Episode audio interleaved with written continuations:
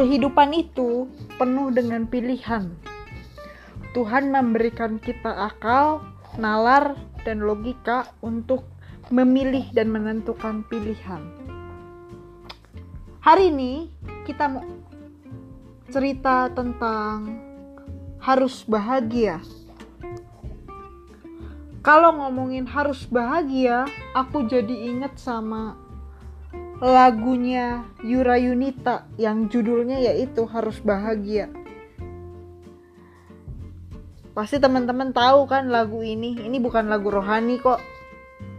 Kalau nggak tahu, silahkan setelah ini mencari lagu itu di YouTube dan dengerin. Bagus deh lagunya. Selalu promosi lagu memang ya. Oke. Hari ini kita mau cerita tentang harus bahagia. Kenapa sih harus bahagia? Ayo, kenapa ayo? Kira-kira kenapa harus bahagia?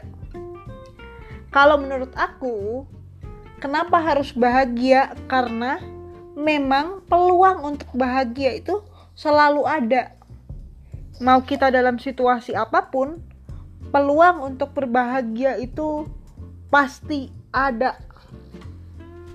Terus, yang namanya bahagia itu nggak selalu ditentukan oleh uang dan harta yang kita punya. Ya, uang dan harta bisa jadi sumber kebahagiaan. Maksudnya alasan kita untuk bahagia bisa jadi itu. Tapi nggak selalu itu juga, teman-teman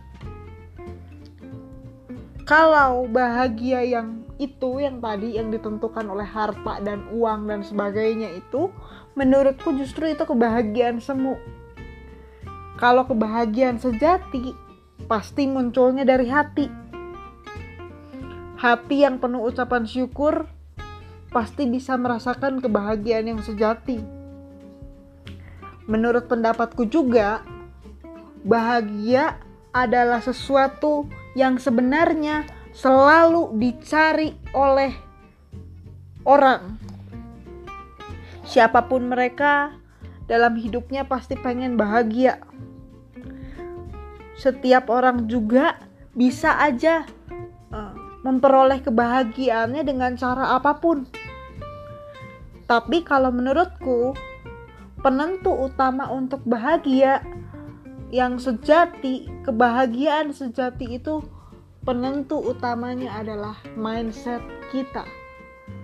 Pola berpikir kita, cara kita berpikir, dan cara kita memandang sesuatu itulah yang jadi penentu kita bahagia atau enggak. Kenapa begitu? Karena kalau kita mempunyai cara pikir dan cara pandang yang bagus, dan yang benar dan yang baik, maka dalam kondisi apa pun kita pasti bisa melihat adanya peluang meraih kebahagiaan. Maka kalau buat aku, kebahagiaanku yang terbesar adalah ketika aku mulai menyadari bahwa aku nggak pernah hidup sendirian. Tuhan Yesus Kristus gak pernah tinggalin aku sendirian. Tuhan Yesus Kristus justru malah jadi kawan seperjalanan yang selalu hadir di tengah-tengah perjalanan kehidupan aku dan kehidupan kita semua tentunya. Tapi sering kali kita yang gak bisa menyadari kehadirannya. Kenapa kita gak bisa menyadari kehadirannya? Karena diri kita terlalu banyak dipenuhi oleh perasaan dan pikiran-pikiran juga prasangka yang negatif. Ini bahaya. Karena apa?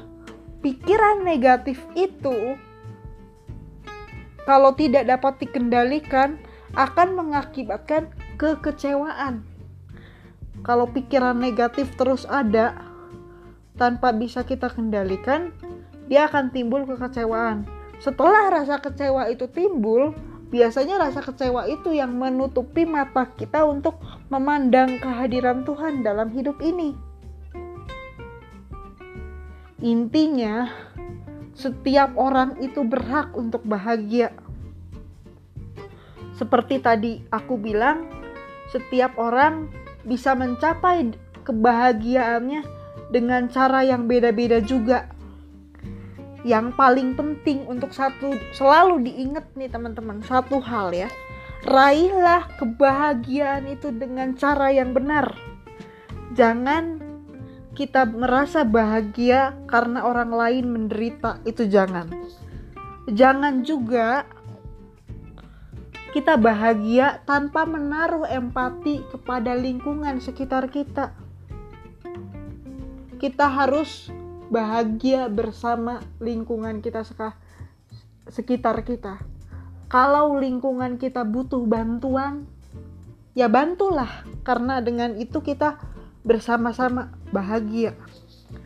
Soal bahagia tentang dan hati yang gembira ada banyak Alkitab bicara soal ini.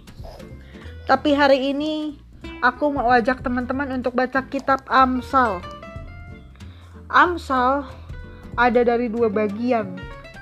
Bagian yang pertama dari Amsal 17 ayat 22, sebuah ayat yang sangat terkenal dan aku rasa banyak orang yang hafal dengan ayat ini dan disukai banyak orang. Dan yang kedua, Amsal 12 ayat 25. Amsal 17 ayat 22 dan Amsal 12 ayat 25. Demikian Alkitab menulis. Amsal 17 ayat 22 berkata, Hati yang gembira adalah obat yang manjur tetapi semangat yang patah mengeringkan tulang. Ya. Lalu Amsal 25 eh Amsal 12 ayat 25 maaf. Amsal 12 ayat 25 berkata hampir mirip ini katanya. Kekhawatiran dalam hati membungkukan orang, tetapi perkataan yang baik menggembirakan dia. Maksudnya apa? Aku nggak perlu jelasin panjang-panjang. Kita baca ayat ini dua-duanya. Pakai bahasa Indonesia masa kini lagi ya supaya mudah ngertinya. Amsal 17 ayat 22 kalau dalam bahasa Indonesia masa kini berkata demikian hati yang gembira menyehatkan badan hati yang murung mematahkan semangat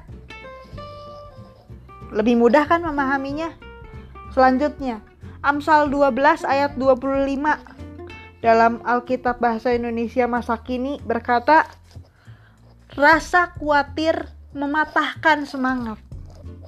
Tetapi kata-kata ramah membesarkan hati. Jadi, semuanya itu awalnya dari hati. Hati kita harus gembira. Kalau hati kita gembira, maka kita akan sehat dan memberikan semangat. Tapi kalau kita punya rasa khawatir dan pikiran negatif yang tadi aku bilang, itu akan mematahkan dan membuat kita sakit. Ya. Kata-kata yang ramah membesarkan hati. Oleh karena itu, itulah alasannya kenapa merasakan kebahagiaan yang sejati itu menjadi penting banget. Sekarang banyak pertanyaan orang begini, gimana caranya supaya kita bisa bahagia terus? Jawabannya gampang. Selalu penuhilah hati kita dengan syukur. Bersyukur adalah kunci kebahagiaan. Sebab pada masa-masa ini, aku kasih tahu ya teman-teman kehadiran kita itu sangat diperlukan oleh lingkungan kita. Untuk apa? Buat apa? Untuk menjadi pembawa semangat dan sukacita di lingkungan sekitar kita. Biarlah kehadiran kita itu dinantikan dengan sungguh karena kita membawa happy dan sukacita buat orang-orang. Pertanyaan berikutnya lagi, dari mana kita dapetin sukacita yang sejati? Karena kalau kita mau bagi sukacita, kitanya harus mendapatkan sukacita kan? Dari mana kita dapat? Ini dia. Dari mana kita dapat sukacita yang sejati? Kalau yang ini, tentu jawabannya yang tadi aku bilang. Kita harus sadar sepenuhnya bahwa kasih dan pemeliharaan Allah tidak pernah berhenti di dalam kehidupan kita. Inilah kunci utamanya kita untuk membahagi, dapat kebahagiaan yang sejati ketika kita sadar dan kita punya relasi yang baik dengan Allah, maka kita akan tahu bahwa Allah itu adalah Allah yang tidak pernah meninggalkan kita sendirian. Jadi, selamat menikmati kehidupan yang penuh syukur dan raihlah kebahagiaan kita yang sejati dalam masa-masa ini. Ingat, peluang bahagia itu pasti ada dan semua orang berhak untuk bahagia. Tuhan memberkati kita semua. Amin.